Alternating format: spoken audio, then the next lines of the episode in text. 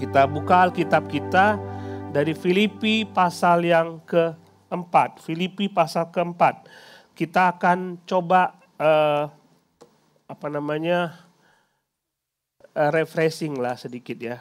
Jadi maksudnya kita selama ini mendengar firman Tuhan dari uh, dari khotbah di bukit dan kita tahu banyak sekali apa pelajaran dari khotbah di bukit yang mendorong kita untuk hidup seperti apa yang Tuhan mau.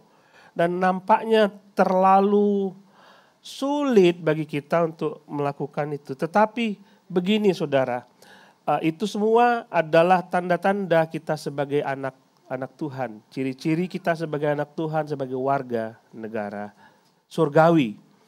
Nah kita akan belajar satu satu hal dari Filipi pasal 4 dan kita akan belajar tentang apa yang disebut dengan hidup berkecukupan. Kalau saudara mendengar tema seperti ini, pasti saudara akan berpikir hidup berkecukupan itu uangnya banyak. Hidup berkecukupan itu apa yang saudara mau ada, gitu ya. Ya hidup cukup saja. Kalau perlu ada perlu mobil, ada mobilnya, gitu kan cukup ada semua kita kita katakan hidup berkecukupan. Dan karena banyak sekarang seminar seminar di dunia bagaimana supaya kita punya financial freedom. Benar kan? Itu laku sekali di dunia. Jadi kalau saudara ada ketemu orang yang yang ber berceramah mengenai financial freedom bagaimana saya punya kebebasan finansial kebebasan uang sehingga saya hidup saya bebas hidup saya bebas tapi coba berpikir tentang satu hal. Kalau saudara uh, bekerja di sebuah perusahaan gaji saudara 10 juta, lalu lalu bos saudara mengatakan bulan depan gajimu 12 juta. Senang nggak? Oh senang. Naik gaji senang. Tapi saya yakin itu cuma bertahan cuma beberapa bulan. Ya kan? Karena akan mengatakan wah saya punya gaji naik 2 juta. 2 juta saya bisa pakai untuk sesuatu yang lain. Mulailah kita berpikir apa, saya harus beli apa, beli ini, beli itu. Lalu setelah saudara terbiasa dengan 12 juta, saudara akan mengatakan 12 juta kurang. Oke? Lalu saudara dapat tawaran pekerjaan di tempat lain dan saudara mengatakan, wah itu lebih besar gajinya. Dan setelah mendapatkan penghasilan yang lebih besar, pasti saudara akan berpikir, saya harus bisa beli apa ya? Saya akan beli apa? Dan itu tidak akan pernah cukup. Coba, coba lihat gambar ini. Coba lihat gambar ini. Next, lihat gambarnya. Lihat gambar ini. Sudah sudah tahu gambar ini orang yang yang yang apa namanya lumpuh pikir seandainya aku bisa punya sepatu roda seperti orang itu. Tapi orang yang punya sepatu roda berpikir kalau bagi, bagi seandainya aku punya sepeda. Orang yang punya sepeda berpikir bagaimana aku punya bisa punya mobil. Dan orang yang punya mobil melihat orang yang punya mobil lebih bagus. Seandainya aku bisa punya mobil seperti itu. Dan sudah punya mobil bagus, mobil apa sih yang tidak bisa aku beli? Mobil, mobil apa yang tidak bisa aku beli? Mobil yang paling mahal pun bisa aku beli. Lihat tetangganya beli pesawat, pengen beli pesawat. Tidak akan pernah cukup. Jadi apa yang disebut dengan financial freedom tidak akan pernah ada. Tidak akan pernah ada. Jadi yang harus kita pikirkan adalah mindset kita, pikiran kita, rasa cukup di dalam diri kita sehingga kita bebas. Orang punya bodoh amat orang mau gajinya mau berapa. Saya hidup saya cukup dengan apa yang saya miliki. Buka Filipi pasal yang keempat. Kita coba lihat Filipi pasal yang keempat.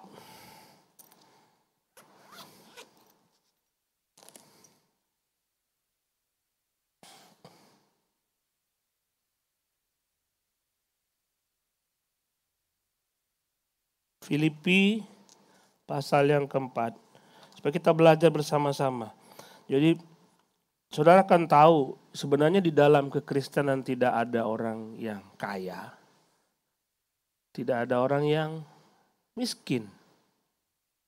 Saudara akan tahu bahwa semua kaya atau miskin tergantung dari rasa cukup kita dengan apa yang kita miliki. Filipi pasal 4 ayat yang ke-10 sampai yang ke-13. Sebenarnya nanti saya akan coba melihat ayat-ayat selanjutnya tetapi kita konsentrasi kepada ayat-ayat ini. Filipi pasal 4 ayat 10 sampai yang ke-13.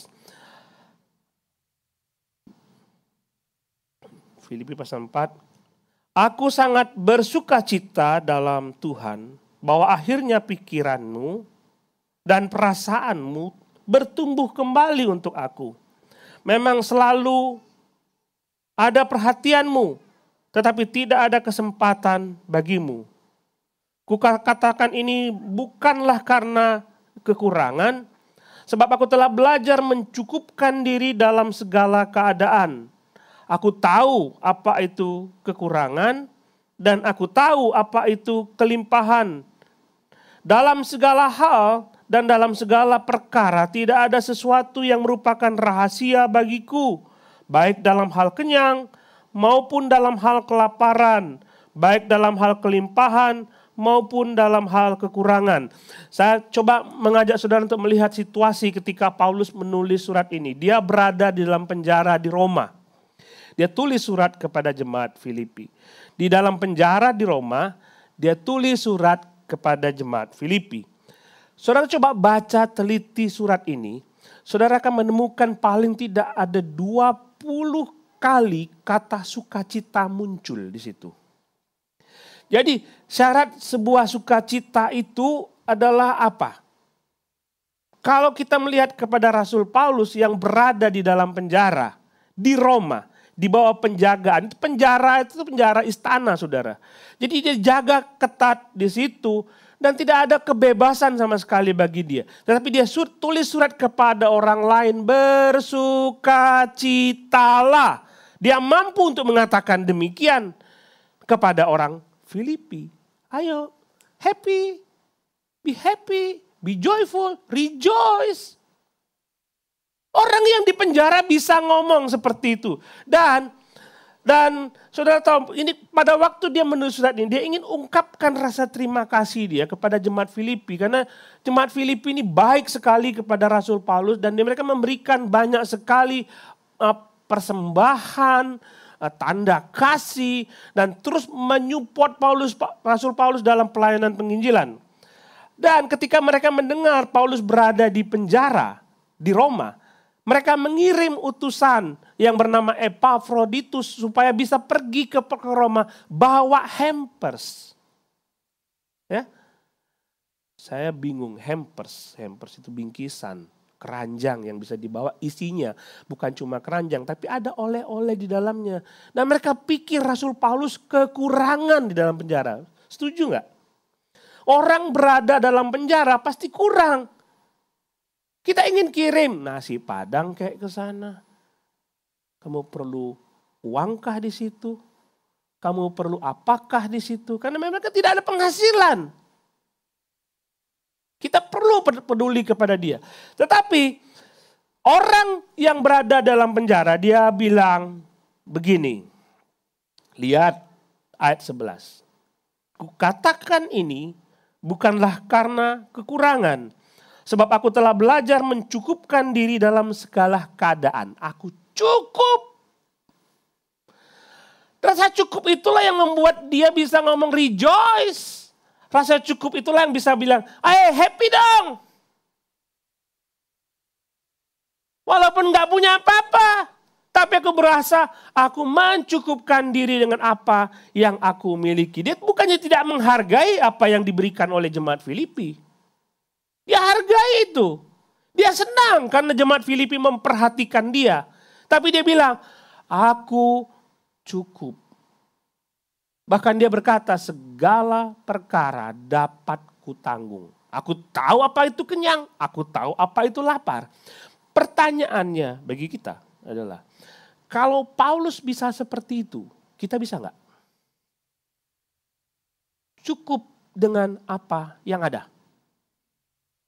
Pikiran kita kan selalu gini, seandainya sofa saya bisa diganti, seandainya mobil saya bisa diganti, seandainya rumah saya bisa diperbaiki, Seandainya aku punya rumah lebih besar. Seandainya, seandainya, selalu seandainya. Kita selalu punya keinginan. Saudara tidak ada yang salah dengan keinginan itu. Tidak ada yang salah. Saudara ingin punya mobil lebih bagus, saudara ingin punya pakaian lebih bagus, tidak ada salah. Yang salah adalah kita selalu diperbudak dengan keinginan. Benar ya? Kita selalu diperbudak dengan keinginan. Tapi bisa nggak kita ngomong, saya cukup dengan apa yang ada. Aku nggak perlu punya handphone yang mahal-mahal. Karena aku perlu WA, aku perlu komunikasi, aku perlu medsos. Baik handphone yang 20 juta maupun handphone yang 2, 1 juta setengah semua bisa dilakukan dengan handphone. Saudara pilih handphone yang mana?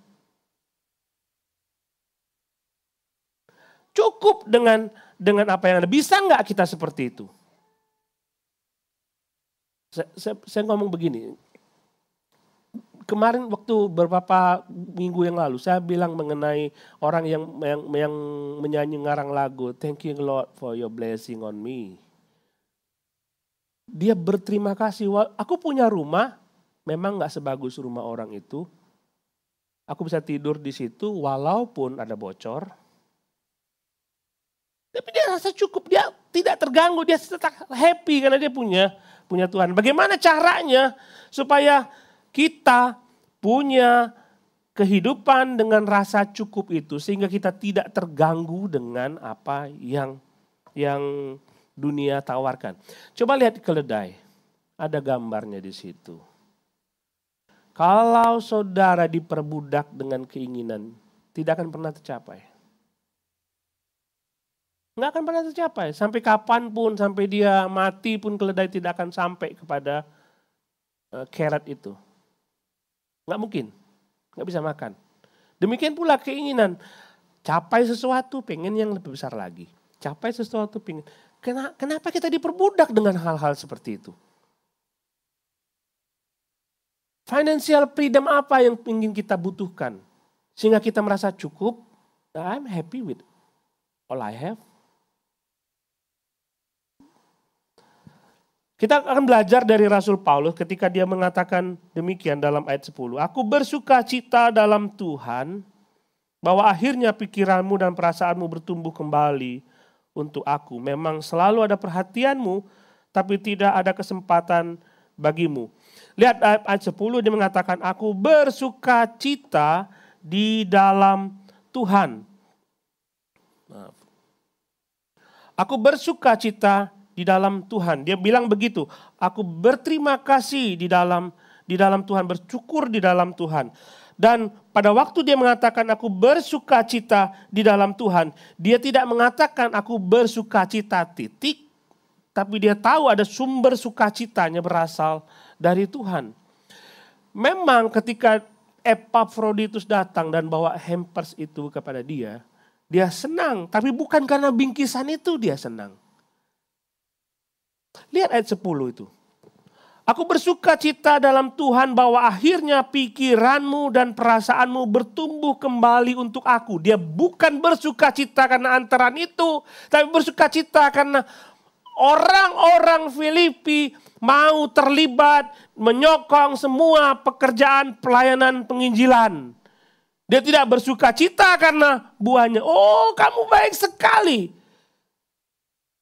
Dia bersuka cita karena orang-orang itu terus bertumbuh di dalam kerohanian mereka. Tapi bukan karena bingkisannya. Kalau karena bingkisannya dia kan ngomong. Aku berterima kasih atas bingkisanmu, aku butuh itu, aku butuh ini, aku butuh dia. Tidak ngomong itu. Yang dia kasih komentar adalah keadaan rohani orang-orang di jemaat Filipi. Perhatikan di sini. Paulus mengatakan, aku bersuka cita di dalam Tuhan. Artinya saudara, kalau saudara mau memiliki rasa puas, financial freedom. Saudara harus menempatkan sukacita saudara kepada Tuhan, bukan kepada harta. Sumber sukacita saudara. Bukan kepada tu, bukan kepada harta, tapi hanya kepada Tuhan. Hanya kepada Tuhan. Kayak gini, kalau saudara mengatakan sumber sukacita saudara berasal dari harta, saudara akan melihat begini. Hari ini saudara mungkin punya banyak uang. Besok, mungkin saudara nggak akan punya uang. Besoknya lagi, mungkin uang saya ber, saudara berkurang. Besok lagi mungkin banyak lagi. Coba perhatikan, kalau tahun depan paceklik atau tahun ini paceklik, tahun ini pandemi, tidak ada tidak ada penghasilan, turun sukacita kita. Kenapa harus bergantung kepada sesuatu yang tidak pasti? Kenapa sukacita itu hanya bergantung kepada sesuatu yang tidak bisa kita andalkan?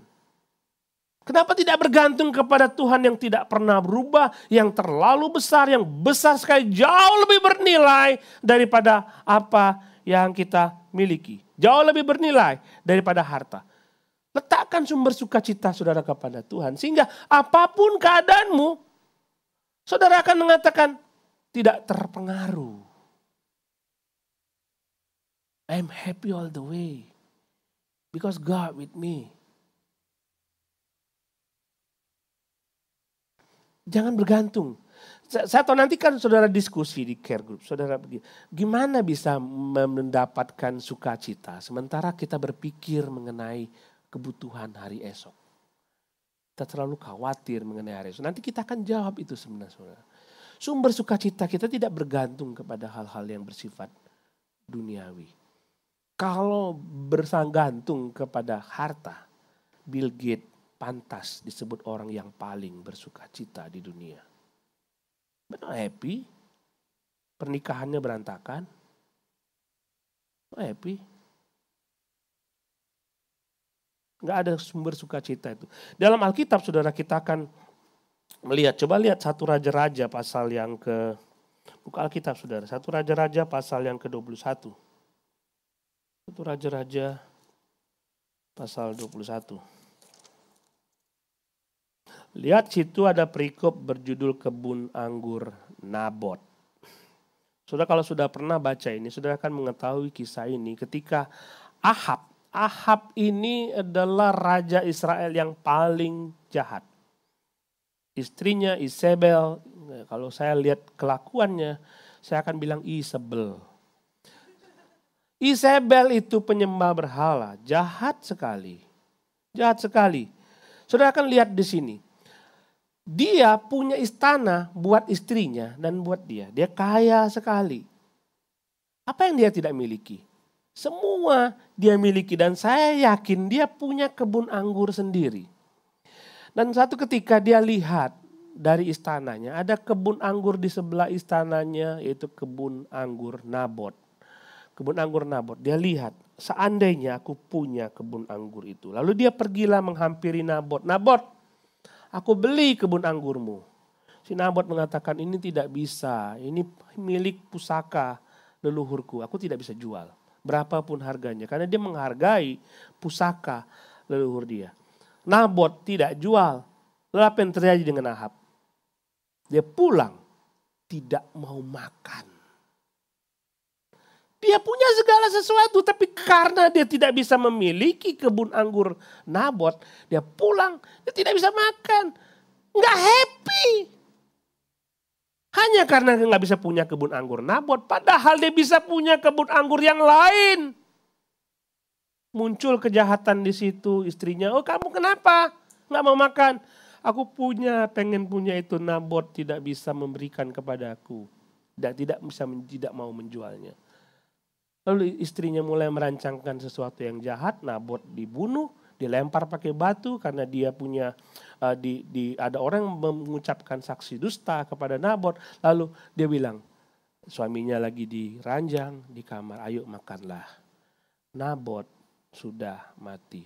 Kamu turun, ambil kebun anggur itu buat kamu. Lalu dia lihat, oh sudah mati ya. Dia turun, dia ambil. Lihat serakahnya orang kalau saudara meletakkan dasar sukacita saudara kepada sesuatu yang yang harta, itu yang akan terjadi. Saudara akan melakukan apa pun, kejahatan apa pun supaya itu bisa diperoleh. Berbanding dengan Daud. Coba lihat Mazmur 23. Saya ingin mengajak saudara melihat arti sebenarnya dari Mazmur 23 ayat 1 ini. Mazmur 23. Daud. Apa yang tidak dimiliki oleh Daud? Kekayaan? Punya. Apa yang tidak dimiliki oleh dia? Semua dia punya. Tapi dia bilang, Tuhan adalah gembalaku, takkan kekurangan aku. Coba lihat dalam bahasa Inggrisnya. God is my shepherd. I shall not want. Aku tidak butuh yang lain. Aku cuma butuh Tuhan. Kalau Tuhan aku miliki, lihat ayat yang kedua. Aku dibaringkan di padang yang berumput hijau. Karena Tuhan sumber segala-galanya. Kalau punya Tuhan, punya segala-galanya. Dan dia tidak akan pernah surut seperti harta. Dia tidak akan pernah surut seperti uang kita. Dia tidak akan pernah surut seperti penghasilan kita. Dan banyak orang Kristen memang terjebak dengan ini. Dan bukan, saya pikir bukan cuma uang saudara. Kita merasa kita happy karena kita punya uang. Banyak orang Kristen happy karena punya sesuatu yang yang bisa membuat dia bahagia. Hobi yang tercapai, pendidikan yang di, yang dikejar-kejar. Semua kita kita mencoba untuk memilikinya. Dan kalau kita tidak dapat itu kan unhappy dalam hidup kita. Kenapa mesti bergantung kepada hal-hal seperti itu? Saya belajar Saudara saya belajar, saya mengamati teman-teman saya yang seumuran sama saya dan saya liatin dia sekolah di mana, ini sekolah di mana, ini sekolah di mana. Dan saya amati saudara, keberhasilan kita dalam dalam karir tidak bergantung kepada di mana kita sekolah. Nggak bergantung kepada itu. Saya ada teman saya yang kuliah di tempat yang tidak terkenal, tapi bisa menjabat sebuah uh, direktur di sebuah perusahaan. Ada orang teman saya yang tidak menjabat, tidak mengecam pendidikan tinggi, tapi berhasil menjadi pengusaha. Kenapa bisa seperti itu? Karena Tuhan turut campur tangan di dalam hidupnya. Setinggi-tingginya saudara mencapai gelar tertinggi. Atau sepandai-pandainya saudara. Kalau sudah tidak menggantungkan diri kepada Tuhan tidak akan pernah berhasil. Jadi uh, Paulus berkata bahwa sumber sukacitaku hanya kepada Tuhan. Yang kedua, kita lihat dalam Filipi pasal 4 ayat 11. Ku katakan ini bukanlah karena kekurangan, sebab aku telah belajar mencukupkan diri dalam segala keadaan. Kedua, supaya saudara punya financial freedom, saudara hidup berkecukupan, saudara harus belajar mencukupkan diri dengan apa yang ada. Kata belajar ini bukanlah belajar lalu kita buka, buka buku lalu kita oh saya tahu ini, saya tahu ini, saya tahu. Bukan itu. Yang disebut dengan belajar ini. Dia mengalami apa yang disebut dengan kekurangan. Dia mengalami apa yang disebut dengan kelimpahan. Dia mengalami itu semua. Pengalaman-pengalaman hidup itu akan membuat dia belajar. Apa artinya kekurangan. Apa artinya kelimpahan. Jangan berpikir kalau Tuhan membawa kepada saudara situasi pada situasi kekurangan. Karena Tuhan jahat. No, Tuhan ingin saudara belajar apa artinya lapar? Bisa merasakan hanya makan tempe dan tahu, makan tem, makan nasi dan kecap saja. Tahu apa itu kurang. Belajar dari situ. Kan Tuhan baik supaya kita bisa belajar. Belajar dari pengalaman. Belajar dari pengalaman. Kurang, kurang, kurang. Sehingga nanti ketika saudara berkelimpahan, saudara juga bisa menikmati itu. Waduh. Saudara bisa menikmati apa yang disebut dengan kelimpahan. Apa arti kelimpahan kalau sudah tidak mengalami kekurangan? Enggak ada, ada, tidak akan ada artinya. Jadi belajar untuk mencukupkan diri dari kekurangan saya tidak tidak punya ya sudah, tidak usah dipaksakan. Saya tahu apa itu lapar, aku tahu tidak punya uang, aku tahu aku mencukupkan diri dengan apa yang ada. Saudara dididik oleh Tuhan karena pengalaman-pengalaman hidup seperti itu. Kalau kita melihat anak-anak kita dikasih banyak PR oleh sekolah. PR nah, PR. Dia kan kita kan kasihan ya. Lihat dia stres kan. Tiap kali bangun tidur saya mesti ngerjain PR dan tugas sekolah. Tapi bagi saya melihat kalau anak saya banyak tugas dan dia kerjakan. Bagi saya dia belajar untuk memanage tekanan-tekanan dalam hidupnya. Supaya ketika dia nanti dunia di pekerjaan, dia akan terbiasa dengan itu. Happy saya kalau anak saya, aduh papi banyak sekali tugas. Belajar nak. Kalau kamu bilang sekolah kamu baik-baik saja dan kamu happy-happy aja dengan sekolah, begitu kamu masuk dunia kerja, kamu tidak bisa mengatur orang-orang di dunia kerjamu di kantormu. Kamu pasti stres. Kamu pasti stres. Tapi begitu dia sudah belajar, oh aku sudah belajar di sekolah menghadapi stres karena pekerjaan rumah, karena sekolah. Ketika masuk dunia pekerjaan, dia akan sudah terbiasa dengan itu. Bagi saya, dia happy-happy saja. Karena itu menjadi pelajaran bagi dia. Jadi kenyang, tahu. Lapar, tahu. Kurang, tahu. Berkelimpahan, tahu maksudnya apa untuk semuanya ini? Kita belajar dari kekurangan. Apakah kita tidak boleh menginginkan sesuatu? Jadi saya pernah mengatakan tadi di depan bahwa kita tidak boleh diperbudak oleh keinginan. Gini saudara, kalau kalau saudara lihat uh, handphone ya, itu gencar sekali. Saya tiap kali buka detik itu pasti ada iklan handphone. Handphone baru. Itu kan gadget baru TV baru, bagus. Lalu kita lihat handphone kita, dan kita lihat, hmm, kalau dibanding dengan itu, uh, rasanya saya lebih cocok punya handphone yang kayak gitu. Kayak ini, ini udah lama deh. Ini udah lama. Setelah kita hitung-hitung, kita nggak punya duit untuk beli handphone baru itu. Tapi kita memaksakan diri, apa yang terjadi? Kita pinjem uang. Padahal tidak usah memaksakan diri. Sekarang kan banyak, saya lihat iklan pinjaman online. Ih, sepatu bagus ini. Keren. Padahal dia lagi pakai sepatu. Ya sepatu bagus nih, keren. Tapi mahal ya. Wah, bisa pinjem ini duitnya, bisa dicicil lagi. Dipaksa, saudara. Saya tidak mengatakan hutang tidak boleh. Saudara beli rumah, nggak mampu kan? Terlalu mahal rumah, Pasti saudara cicil dengan bank. Itu masuk akal. Saudara pasti hitung-hitung saya mampu bayar atau tidak. Tetapi kalau buat sesuatu yang tidak punya artinya bagi hidup saudara. Yang kalau saudara tidak beli pun, saudara tidak akan mati. Saudara berjuang untuk beli itu. Lalu tidak mampu bayar. Setelah tidak mampu bayar, sukacitamu hilang karena tagihan-tagihan itu. Stres kan? Cukuplah dengan apa yang ada. Nanti kalau ada berkat dari Tuhan, bolehlah sekali-sekali makan di restoran. Sekarang makan tahu bacem juga ada syukur. Enggak perlu makan daging, kata Pak itu.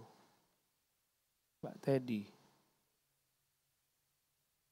Aku tidak tertarik dengan steak. Iya, karena dia nggak makan daging. Tapi memang begitu cukup dengan nanti kalau Tuhan beri sesuatu, sesuatu kepada saudara, berkelimpahan, saudara dikasih berkat lebih, ya belilah. Tapi jangan usah memaksakan diri, aku harus punya ini, aku harus punya ini, entah bagaimana caranya. Paulus mengatakan, aku belajar. Oh iya, sudahlah, cukup ini aja. Tidak perlu yang yang lain. Sekarang kenapa sukacita kita harus hilang? Karena motor kita butut. Kenapa sukacita kita harus hilang karena kita tinggal di rumah petakan? Kenapa kita mesti dihantui dengan rumah yang mewah yang sebenarnya kita tidak bisa usahakan? Kenapa sukacita kita hilang? Karena kita mengotot untuk beli tas yang mahal. Padahal sama saja. Bayar. Ini tas Hermes. Berapa duit tuh? Handphone bisa masuk nggak ke situ? Bisa. Lipstick bisa masuk? Bisa. Oke. Semua bisa masuk ke situ. Lalu ada tas di kaki lima. Eh, lima puluh ribu. Handphone bisa masuk nggak? Bisa. Charger bisa masuk? Bisa. Apa bedanya? Karena gengsi aja kita. Gengsi. Aku kan perlu menjaga penampilan. Apa lihat kata orang nanti? Lalu kita mulai mencoba untuk punya itu semua. Caranya bagaimana? Tidak punya uang. Pinjam duit. Lalu terjebak dengan hutang. Lalu tidak bisa bayar. Lalu macam-macam lah nama kita jelek. Kenapa mesti terjebak dengan itu? Bersyukur Tuhan, aku masih punya kendaraan. Aku bisa travel dari rumah ke kantor bersyukur Tuhan. Ini memang aneh ya. Tadi kita lihat gambar orang pengen punya sepeda. Terus punya sepeda pengen punya mobil. Sekarang pengen balik lagi punya sepeda. Aneh orang ini. Sukacitanya bergantung kepada apa namanya? Mode, tren. Kenapa harus begitu? Nggak, nggak perlu saudara. Dan, dan dan saudara pasti akan terbebas dari keinginan-keinginan itu. Saudara akan terbebas dari uh, segala macam keinginan dan free. Bodoh amat orang mau ngomong apa, aku punya Tuhan, aku belajar mencukupkan diri, happy dengan makanan di hadapan kita. Bagaimana saudara berdoa kepada Tuhan? Tuhan terima kasih untuk ikan asin Terima kasih untuk sayur bayam. Kita mensyukur itu kan. Lihat, lihat ke atas. Pada belahan dunia lain orang nggak bisa makan. Syukur masih bisa makan. Bersyukur masih bisa makan. Jadi belajar untuk mencukupkan diri dengan apa yang nggak usah ngotot untuk membuat sesuatu yang baru. Kalau memang tidak bisa diusahakan sudah cukuplah Aku punya, agen pengen punya handphone yang bagus. Tapi dengan handphone yang ada aku bisa menggunakannya untuk berkomunikasi. Tidak perlu handphone yang 50 juta dengan satu juta setengah sama.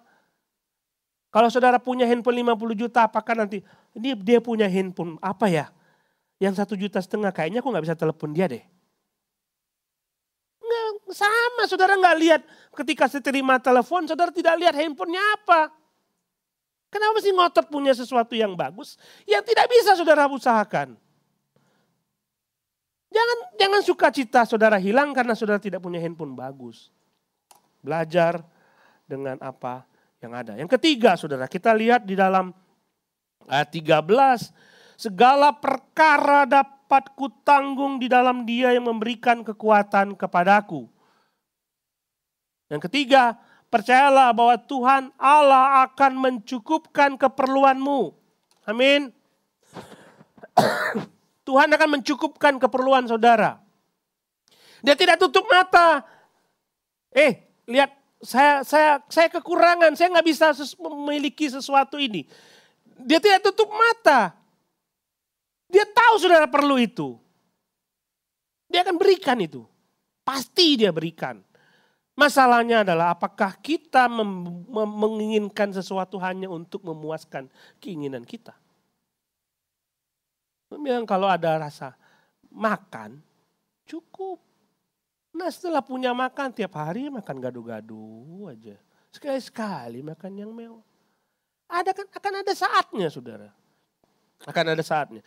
Jadi Tuhan pasti akan mencukupkan kebutuhan saudara. Lihat di sini dia tidak mengatakan bahwa segala per, perkara dapat ku tanggung. Titik. Dia dia mengatakan segala perkara dapat kutanggung di dalam Dia yang memberi kekuatan kepadaku. Artinya tidak ada sesuatu yang mustahil di dalam Tuhan. Kekuatan bagi saudara untuk menimbulkan rasa cukup dan rasa puas itu berasal dari Tuhan, bukan dari diri kita. Kekuatan yang Paulus terima ketika dia berada dalam penjara dan kita dari luar melihat dia kekurangan, tapi dia rasa cukup. Kekuatan itu bukan dari Rasul Paulus, tetapi di dalam Tuhan. Karena ketika kita tidak punya Tuhan, kita tidak bisa berbuat apa-apa. Yohanes 15 ayat 5 Tuhan mengatakan, di luar aku kamu tidak bisa berbuat apa-apa. Hanya di dalam aku kamu bisa melakukan segala sesuatu. Amin itu kan? Setuju kan? Setuju nggak? Anehnya gini saudara, ada ini pendeta saya yang dulu. Dia cerita kepada saya, Sin kamu tahu nggak? Ada bapak ini datang kepada saya, dia seorang bisnismen. Dia minta doakan, Pak Pendeta, tolong doakan bisnis saya. Karena sekarang lagi lesu, penghasilan tidak naik, omset tidak naik-naik. Doang doakan supaya penghasilan naik. Supaya omset terus naik, doakan. Oh iya, kalau begitu tiap Rabu datang ke tempat saya kita berdoa supaya bisnismu naik, menanjak, omset naik. Rajinlah Bapak itu tiap hari Rabu ketemu pendetanya berdoa bersama-sama. Dan Tuhan jawab saudara. Karena memang sumber semua segala sesuatu berasal dari Tuhan. Semuanya berasal dari Tuhan. Jadi doanya dijawab, omsetnya naik. Setelah omsetnya naik, nggak pernah lagi ke gereja. Dulu aku minta tolong supaya aku punya pekerjaan dan hasilnya bagus dan pekerjaan gajiku besar. Tapi sekarang nggak pernah lagi ke gereja. Pendeta itu kunjungin dia dan bilang, kenapa nggak pernah ke gereja lagi? Pak Pendeta, omset saya naik. Saya sibuk sekali mengurus bisnis saya. Saya sulit sekali mengatur waktu. Jadi tolong doakan supaya saya bisa manage waktu dengan baik. Oke, kita berdoa. Pendetanya berdoa. Tuhan turunkan omsetnya. Supaya dia balik lagi ke gereja. Kalau turun omset pekerjaan berkurang dan dia bisa mengatur waktu dengan baik. Apa saudara pikir Tuhan tidak bisa membalikkan semua keadaan? Karena dia melihat kalau anak-anaknya tidak setia lagi dan tidak pernah mengandalkan dia. Dia bisa membuat kita kekurangan dan mulai mengandalkan dia kembali. Gitu kan? Jangan pernah melupakan dia. Ketika saudara berhasil. Karena di luar dia kamu tidak bisa berbuat apa-apa. Tapi selain itu saudara. Di dalam dia, dia akan mencukupkan segala sesuatu buat saudara. Amin. Ini saya sukanya orang Kristen begini nih. Kalau Allahku kan memenuhi keperluanmu menurut kekayaan dan kemurahannya. Amin.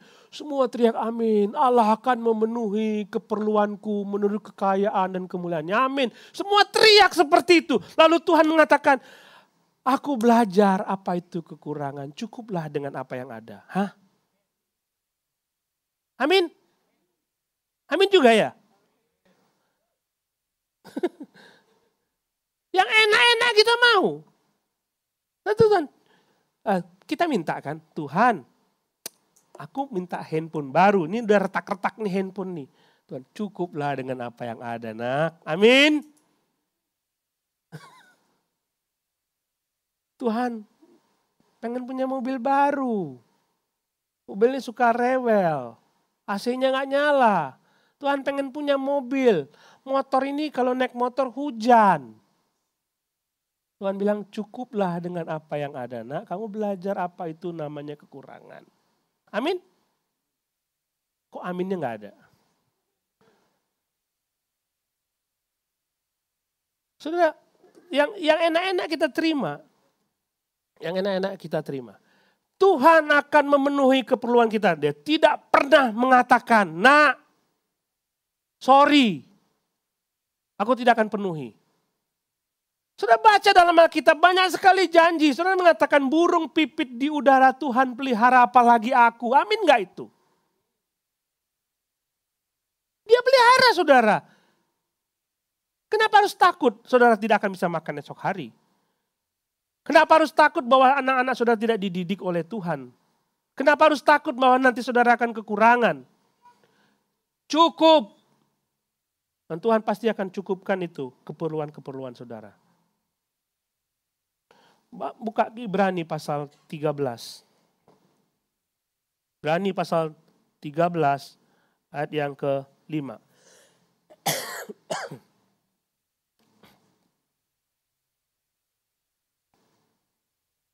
Ibrani 13 ayat 5. Ini tegas sekali firman Tuhan berkata janganlah kamu menjadi hamba uang. Jelas ya? Saudara yang menaruh sukacita, saudara berdasarkan uang. Firman Tuhan bilang, jangan menjadi hamba uang. Jangan diperbudak oleh uang. Dan cukupkanlah dirimu dengan apa yang ada padamu. Nah kan? Karena Allah berfirman, Aku sekali-kali tidak akan membiarkan engkau. Dan aku sekali-kali tidak akan meninggalkan engkau. Financial freedom terletak pada tiga hal ini, saudara. Kepada siapa saudara bergantung? Kepada harta atau kepada Tuhan? Akan sukacita. Kedua, saudara belajar mencukupkan diri dengan segala keadaan. Ketiga, saudara tahu Allah tidak akan membuat engkau kekurangan. Tidak akan pernah membuat. Mari kita buka kembali Mazmur pasal 23 yang tulis oleh eh, Daud, Raja Daud kepada kita. Lagu yang dia tulis itu, dia berkata, Tuhan adalah gembalaku, takkan kekurangan aku. Amin. Dia cukupkan itu. Ia membaringkan aku di padang yang berumput hijau. Ia membimbing aku ke air yang tenang. Ia menyegarkan jiwaku. Ia menuntun aku di jalan yang benar oleh karena namanya. Sekalipun aku berjalan dalam lembah kekelaman, aku tidak takut bahaya. Sebab engkau besertaku, gadamu dan tongkatmu, itulah yang menghibur aku. Engkau menyediakan hidangan bagiku di hadapan lawanku. Luar biasa. Engkau mengurapi kepalaku dengan minyak, pialaku penuh melimpah. Kebajikan, kemurahan, belaka akan mengikut aku seumur hidupku. Dan aku dengan diam dalam rumah Tuhan sepanjang masa. Sudah yang takut dengan keadaan sekarang. Belajar bergantung kepada Tuhan. Dia akan cukupkan. Mungkin saat ini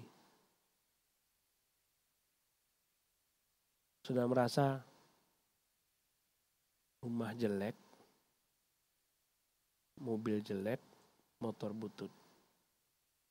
Sudah percaya Tuhan pasti akan bisa ubah itu cuma bergantung kepada Tuhan. Dan di dalam Tuhan dia akan berikan. Di luar Tuhan kamu tidak bisa berbuat apa-apa.